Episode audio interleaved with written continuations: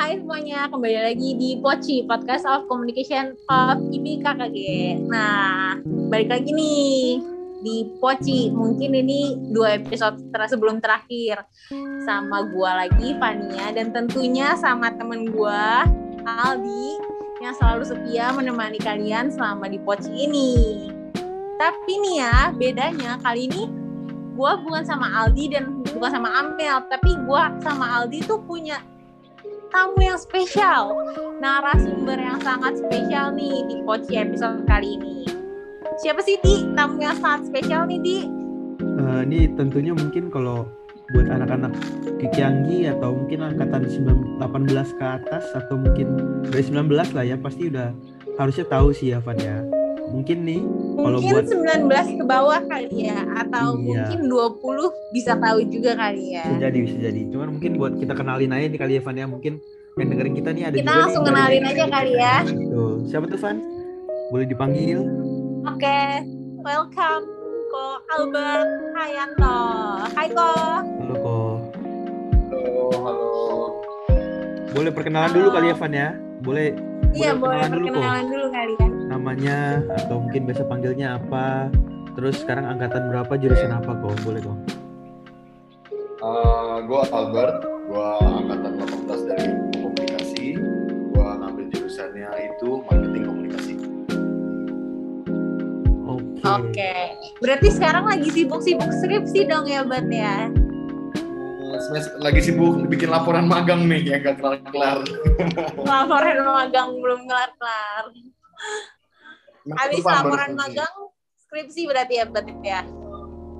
Iya, gue ngambil 4 tahun soalnya bisa tiga oh. Semoga bisa cepet lulus deh yang kita doain ya buat. Nah, yeah, yeah. kali ini nih kita bakal ngebahas suatu bisnis nih namanya ini burger apa sih buat ini burger itu buat boleh dikenalin gak ke kita kita ini burger itu apa jadi uh, ini burger itu salah satu usaha gue usaha gue sendiri yang gue bangun sama teman-teman gue dia itu bisnis bisnis restoran restoran burger. Dia ngejual ngejual ngejual burger dan gue franchisein ke orang-orang. Like your mind uh, konsepnya itu lebih kayak cafe atau cuman se sejenis McDonald atau kayak gimana konsepnya? Nah, dia dia bentuknya kayak McDonald, cuman dari dari rata-rata penjualan penjualan gua sih dari seluruh outlet banyak kita main. Oke, ini sebenarnya nih kalau kita denger nih kan kita sebelumnya kita udah tahu nih kalau si uh, Ko Albert ini adalah salah satu dari uh, pemilik atau pendiri dari ini burger itu sendiri bersama dengan tem beberapa teman-temannya. Sebenarnya kok pertama kali apa sih yang dipikirin kenapa bisa tiba-tiba pengen mulai bisnis itu? Sama mulai bisnis karena ya keluarga juga sih. Keluarga kan semuanya kan buka bisnis juga. Udah gitu kedua melihat waktu itu peluang peluang burger itu lagi naik-naiknya. Apalagi adanya lawless tuh pas awal pertama kali awal pertama kali lawless buka ngelihat kayaknya gede juga nih pasar pasar burger di Indonesia lah.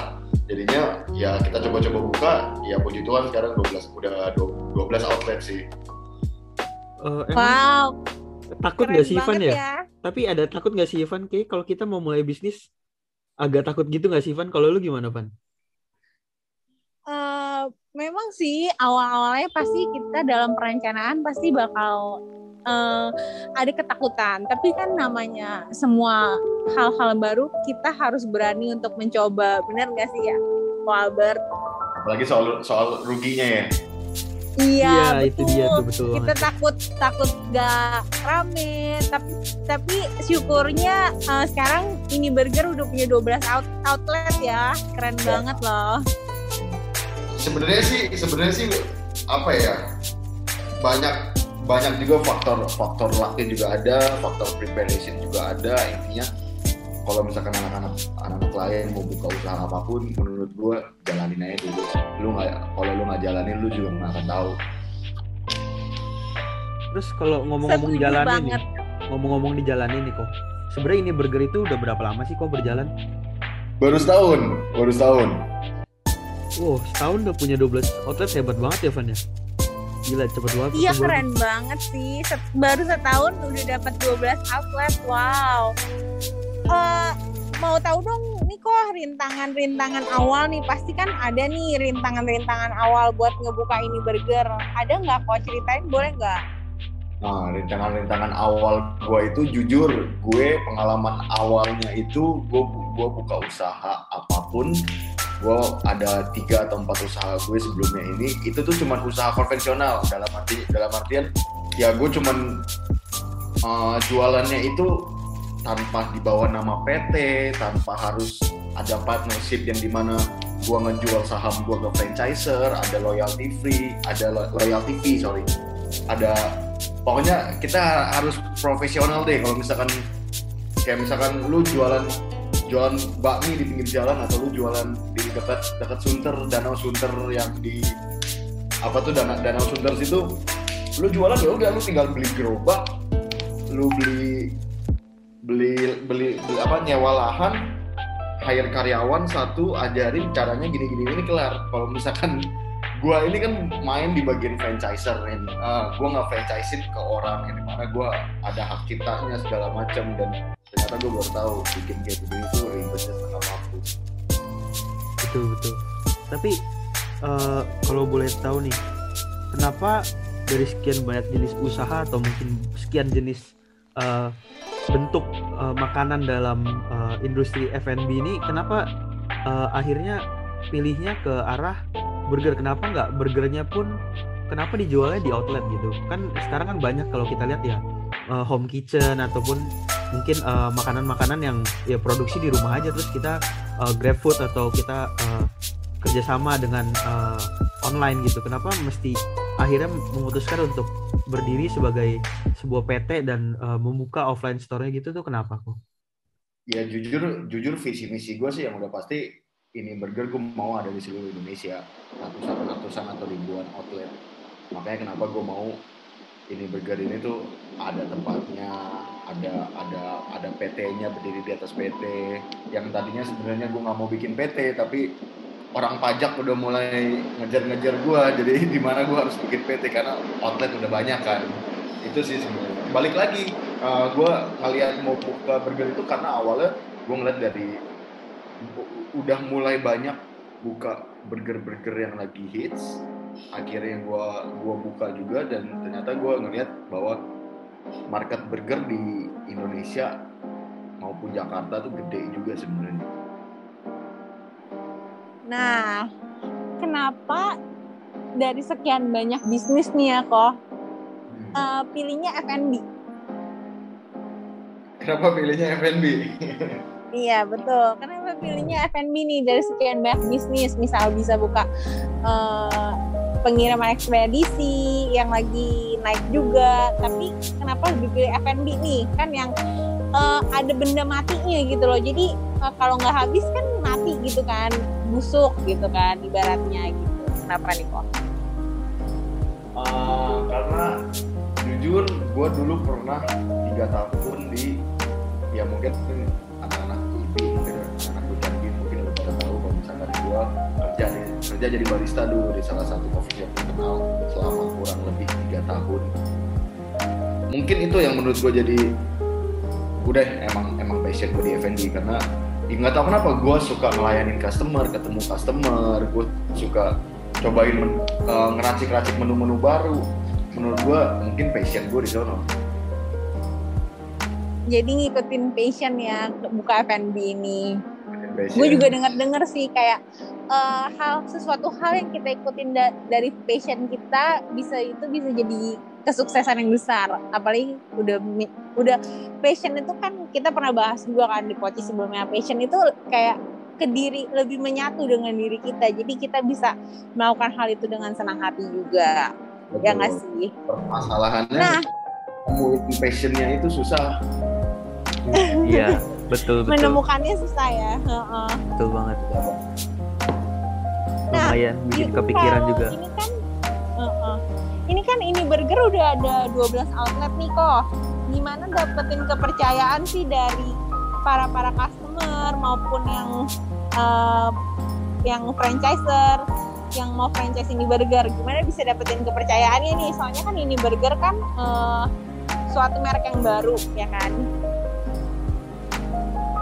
ya jadi uh, yang pertama sih itu yang udah pasti banget harus dilakukan oleh semua pihak F&B adalah kualitasnya harus sama harus tetap semuanya. Mau nggak mau suka nggak suka ada kendala apa pun kualitasnya harus tetap. Mau customer itu beli dua bulan yang lalu mau customer itu beli satu tahun yang lalu kalau misalkan dia beli hari ini ya customer mengharapkan hak rasa yang sama karena customer mau balik lagi beli yang kedua kan karena kualitas kita.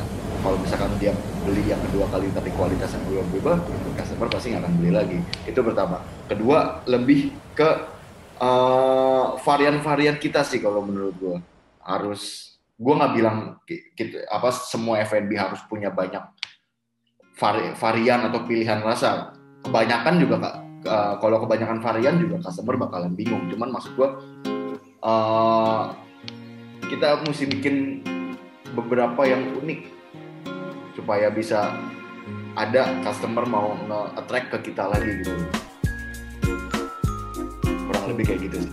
Bang ini uh, nyinggung tadi uh, yang lu bahas nih. Kan kita uh, tentunya apalagi terutama di F&B ya dan kita franchise kita mesti mastiin bahwa kualitas makanan kita tuh di mana pun itu harus sama. Dan kebetulan nih gue juga punya pengalaman juga mungkin mirip-mirip sama lu dulu kok. Gue juga pernah barista gue juga pernah beberapa kali kerja di bidang F&B gitu. Dan gue uh, lumayan tahu kalau uh, untuk nyesuaiin cita rasa dan uh, menciptakan rasa baru tuh lumayan jadi hal yang cukup menyulitkan sebagai franchiser di dunia F&B. Kalau tips dari lu sendiri kok, gimana caranya supaya uh, kualitas makanan lu bisa sama di setiap outlet dan gimana caranya lu mencari atau mengembangkan uh, resep-resep dan menu-menu baru gitu kok? Oke, okay. uh, yang paling penting sih adalah dari base-nya dulu ya. Contohnya kayak misalkan dari roti kita, dari uh, beef patty kita, dari chicken patty kita, itu semuanya harus kita make sure benar-benar make sure dari dari produksi production kita itu tuh harus tetap sama resep mau resepnya mau apa pun cara pengolahannya harus sama kedua uh, untungnya di tahun-tahun sekarang ini kita ada teknologi internet semakin canggih ya. Ada yang namanya Zoom, ada yang namanya Google Meet, ada yang namanya Reminder, ada yang namanya uh, Notes, yang di mana kalau gue sih untuk mengaplikasikannya itu semua, gue biasanya ketika ada menu baru, karena apalagi sekarang lagi COVID begini kan, ada menu baru, gue biasanya selalu melakukan Zoom sama karyawan-karyawan gue. Jadi di setiap outlet gue memiliki satu leader. Jadi nanti leadernya itu akan zoom sama gue terus gue menjelaskan menu baru ini apa visi misinya apa latar belakang menu baru ini apa tujuannya kenapa kita mau mengeluarkan menu baru ini. Dan uh, nextnya baru dari leader itu baru uh, mengajarkan ke masing-masing outlet. Cuman balik lagi kita juga harus punya tim QC atau tim quality control yang sangat ngecekin kualitas kualitas outlet-outlet kita. Itu sih. Mantap banget. Berarti sekarang dengan kemajuan teknologi juga jadi gampang juga ya buat ngobrol langsung ke yeah. setiap kepala cabang ini burger. Ibaratnya gitulah ya kan uh, nah menu favorit di ini burger apa sih kok kira-kira dari 12 outlet nih beda-beda kah? Atau kira-kira sama gitu? Rata-rata sih beda sih ya karena uh, gua kan di ya, utara ada, barat ada, timur ada, terus setelah pusat pun juga ada, di Bandung pun juga ada. Sebenarnya semuanya rata-rata tuh hampir setiap setiap daerah tuh punya karakteristik yang masing-masing. Ntar di Jakarta paling rame beef, di Bandung paling rame chicken, cuman yang paling best seller gitu bukan paling best seller, yang paling istimewanya dari kita adalah burger, uh, ada namanya quartro burger. Jadi dia itu bisa ada isinya itu empat, empat lapis daging. Jadi dia ada dua beef, dua chicken sama sayur. Jadi tebal banget tuh. Dua mix semuanya. Oke, menarik banget ya kok. Berarti nih kalau kita udah ngomong-ngomong nih wah beefnya banyak, beefnya double, eh, kualitas rotinya pilihan, dagingnya pilihan. Berarti ini kalau udah begitu pertanyaannya biasa nih yang pendengar kita nanyanya cuma ke arah satu nih kok. Kalau kira-kira udah mendapatkan kualitas setinggi itu, harganya berapa sih kok kisaran dari menu ini burger ini? Kisaran harga ini burger paling murah itu ada menu menu chicken burger itu dia mulai dari 13.000 paling murahnya. Paling murahnya 13.000 itu dapat yang eh, standar chicken burger biasa itu. Oke. Kalau paling mahalnya berapa kok? Paling mahalnya itu ada yang sampai 50.000 jadi yang tadi gue bilang yang quattro yang isinya isinya empat lapis itu dia itu dia tuh harganya 52.000 belum sama kentang jadi dia masih ala carte lah kalau misalkan Oke oke. Oke. Kalau misalnya nih kok ada orang yang kurang suka burger tapi dia demen nongkrong di ini burger. Ada menu yang lain nggak kok yang kira-kira bisa dinikmatin sama teman-teman kita yang kurang memfavoritkan burger nih? Ada dong kita ada kita ada ada ada snack snack kita kita ada hash brown scramble egg kita ada french fries kita ada french fries pakai cheese sauce french fries pakai bolognese kita ada semua Oke komplit banget berarti ya kok ya. Kalau untuk minuman sendiri ada kira-kira yang favoritnya apa kok kalau minuman? kalau minuman so far sih gue masih masih ngebikinnya minuman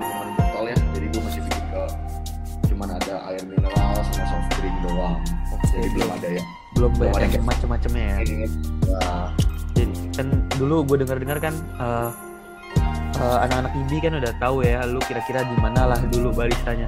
Belum ada rencana masukin menu-menu colongan gitu kok ke situ kok ke ini burger. Kan udah tahu resepnya tuh kok. gue udah ada kepikiran cuman masih coming soon cuman kayaknya bukan masuk ke kopi deh karena mungkin burger agak kurang sama kopi ya mungkin lebih Mungkin- kayak manis Yang manis-manis ya. Oh, ada kemisi shake atau frappuccino Oke oke. Mungkin kalau mau bikin menu yang manis-manis boleh nih kontak ke gue karena nih kebetulan nih bekas barista yang manis-manis nih. kalau manis-manis bisa bisa dengan bahan dasar teh ya dia. iya dengan bahan dasar teh dan bubble ya guys ya. Nah, kalau tadi kan kita udah tanya nih menu-menunya apa aja yang ada di ini burger, kisaran harganya yang ada di ini burger. Yang terpenting nih, ini tuh udah tersedia kan di Grab, ojek-ojek online lainnya gitu. ada semua dong kita ada di Gojek Shopee Grab Traveloka semuanya ada empat empat empat Mantep. Tinggal dicari aja nih ya guys. Berarti ini burger terus cari promo yang paling besar ada di mana. Bener banget ya sih. Sekarang Semua- kita kan promo promo nggak sih? kita ada promo tenang aja Udah ramah kantong mahasiswa banget ya kok ya. kita kantong mahasiswa banget Nih kalau mungkin teman-teman nih kok yang pengen pesen ini burger dia untuk mungkin yang dengerin kita nih kebanyakan mungkin anak IBI atau anak sekitar Kelapa Gading atau mungkin di Bekasi Harapan Indah itu kira-kira outlet terdekat yang bisa kita gapai di mana tuh kok? Oke, eh, untuk di untuk ini kita ngomong market anak KKG ya. Kalau Ya sekitaran Sunter Kelapa Gading atau mungkin eh, Bekasi Jakarta Timur gitu boleh. KKG. Kalau misalkan daerah Sunter sama Kelapa Gading, gue saranin lu ordernya di eh, Sumagung Kelapa Gading atau di Hibrida Kelapa Gading. Kalau Sumagung itu yang dekat Kopi Joni. Terus kalau misalkan untuk di daerah Bekasi, kita ada juga satu di Harapan Indah, satu lagi di Pondok Ungu. Dan itu semuanya bisa di order via online. Oke, mantap berarti sampai Bekasi Pondok Ungu pun udah udah ada ya kok. Udah ada sampai Pak Imam aja ketagihan mau Waduh. Waduh, waduh. Berarti- Waduh, mantap. Kalau Pak Imam udah ketagihan, harus dibawain terus dong ya berarti ya kok ya. Nah, kalau tadi kan tentunya kalau F&B itu kan tidak jauh dari komentar-komentar nih feedback-feedback daripada para customer nih kok. Gimana sih cara bisa dapetin feedback-feedback dari para customer? Tentunya eh, untuk kali ini feedback yang baik nih. Cara menanggapinya gimana kok kira-kira? Eh, Oke, gua sih sebelumnya tuh pasti gue percaya sama akan akan adanya tuh oh perusahaan suatu apa pun yang sukses berhasil tanpa dorongan tanpa dorongan kritik sama saran itu udah pasti. Nah kedua DM Instagram gue, DM email gue itu pasti itu dipegang sama gue akan selalu gue yang bales. Jadi untuk feedback feedback apa pun karena feedback itu menurut gue sangat penting untuk kita membangun sebuah brand. Jadi di mana uh, apalagi customer customer yang dine in atau customer yang datang biasanya tuh gue suka suka ran randomly cek gue randomly datang ketika ada keluarga lagi makan gue akan randomly cek gue uh, gimana rasanya? Atau udah beberapa kali datang ke sini? Ada ada masukan apa? Atau ada kritik apa? Itu sih pasti yang selalu gue gue tanyakan. Karena kita kita pun juga as as a owner kita juga butuh masukan-masukan dari customer-customer kita atau target market kita juga. Bener ya, banget sih ya. Feedback banget itu ya, nomor satu. Mm-mm.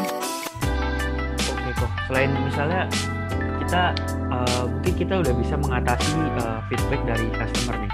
Kita sebagai pem- pembuat usaha pasti kita tahu namanya usaha itu pasti kita dapat uh, dukungan positif ataupun negatif. Nah kalau dari uh, pelanggannya kita udah bisa tangani, selanjutnya dari pesaing nih kok. Gimana caranya ini burger bisa uh, up untuk uh, bersaing dengan uh, brand-brand yang udah besar? Seperti yang di awal kita udah sebut di mana uh, di Indonesia tuh favoritnya mungkin anak-anak nongkrongnya di McD mungkin di AW atau mungkin Burger King. Gimana caranya ini burger bisa menarik perhatian uh, pecinta-pecinta burger di Indonesia atau di Jakarta dan sekitarnya itu gimana cara bersaingnya kok? Oke, uh, untuk menarik perhatiannya yang pas yang pasti pertama kualitas kita harus bagus dulu. Kedua, uh, gue selalu searching searching apa yang lagi tren nih, apa yang lagi tren, apa yang lagi tren supaya kita bisa uh, menyeimbangin sama ya biar netizen netizen sekarang itu kan uh, banyak banget maunya kan. Betul betul. Apalagi customer customer yang bikin ini dong, bikin ini dong, bikin ini dong. Masa ini burger nggak keluarin, masa ini burger nggak keluarin. Nah akhirnya gue ngeliat dari potensial potensial McD uh, ketika orang suka sama burger dan dia makan McD dia cuma bisa mendapatkan apa yang ada di menu aja dalam artian ketika dia pesen cheeseburger ya udah dia cuma dapat roti beef patty cheese slice sama roti lagi sudah tapi untuk di ini burger sendiri gue gue ngebikin apa yang namanya create your own burger. Jadi lu bisa mix sesuka lu apa pun burger yang isiannya lu mau. Mau di dalamnya itu ditumpuk sama sama scramble egg mau ditumpuk sama french fries bisa-bisa aja. Jadi ya salah satu kuncinya harus ada perbedaan yang bisa menonjol ya kok ya. Tuh uh, perbedaan itu pasti yang penting di mana caranya supaya perbedaan perbedaan itu bisa menyaingi uh, musuh-musuh atau uh, pesaing-pesaing lu kompetitor ya. Oh, mungkin eh, ini satu lagi nih kok terakhir eh, pertanyaan dari gua. Gimana sih eh, mungkin sebagai eh, yang udah mulai duluan untuk terjun ke dunia bisnis sebagai anak muda gitu dengan umur kepala dua baru 20 sekian tapi kita udah berani mulai bisnis. Mungkin teman-teman kita yang denger ini juga tertarik untuk coba mulai bangun bisnisnya sendiri kok. Eh, sedikit tips dan trik dari atau saran mungkin dari Colbert yang udah berpengalaman nih lebih dulu. Kira-kira apa sih yang uh, mungkin dasar-dasarnya atau mungkin apa yang harus dipersiapin sebelum mulai bisnis kok? Yang pertama adalah lo harus tahu dulu target pasar lo tuh gimana. Itu paling penting target pasar lo mau anak muda, target atau mau, mau yang lebih lebih lebih uh, dalam lagi mau anak kuliahan atau anak sekolahan itu itu bisa bisa juga. Target pasar lo itu, itu udah pasti lo harus tahu. Lo mau bawa brand lo ini ke mana? Target pasar lo siapa aja? Supaya ketika misalkan udah running uh, ternyata sesuai nggak sama target lu? Kalau misalkan misalkan target target pasar lu kalangan menengah ke atas. Bener nggak kalangan menengah ke atas itu nge-reach brand lu? Itu pertama. Yang kedua sebenarnya nggak ada untuk dunia bisnis ya kalau menurut gue nggak ada ilmu tetapnya. Yang penting lu deh coba aja dulu. Uh, lu akan learning by doing. Pengalaman lu gagal, pengalaman lu rugi sampai belasan juta, belas mungkin uh, sampai MM-an itu adalah pengalaman yang paling mahal yang bisa dibeli sama orang. Yang paling bisa dibeli sama orang. Kuncinya ya berani coba dulu aja ya Bo. Coba ya dulu. Nanti sisanya tinggal belajar dari pengalaman. Belajar dari pengalaman. Cuman zaman sekarang udah paling gampang lu buka bisnis tanpa modal pun bisa. Bisa ya bener bisa. banget bener banget sekarang seharusnya semua udah lebih dipermudah ya gue asal Iya. niat. ada ada dropshipper drop dropshipper itu kan sebenarnya anak ya zaman sekarang kita, pun masih ya, anak SMA pun juga bisa jadi dropshipper gitu loh ke sana cuman ini Dari sini yang penting kita jangan jangan jangan jangan takut untuk berani mencoba hal-hal yang baru karena kegagalan itu adalah suatu kunci kesuksesan bener banget gak sih? Betul Oke. Eh, mungkin kita cukup segini dulu kali ya Van ya. Kita udah lumayan menyita waktunya Ko Albert nih mungkin abis ini masih ada meeting lagi kali ya Van ya. Iya, kita udah banyak banget nih dengar cerita-cerita inspirasi dari Ko Albert tentang ini burger. Uh, thank you banget buat Ko Albert yang udah sediain waktunya nih buat kita podcastan malam hari ini di Poci. And thank you juga buat para pendengar setia Poci. Uh, and we'll see you and next on the next podcast on of Poci. Thank you, thank, you juga Albert. guys semuanya yang udah dengerin. Thank you juga Albert.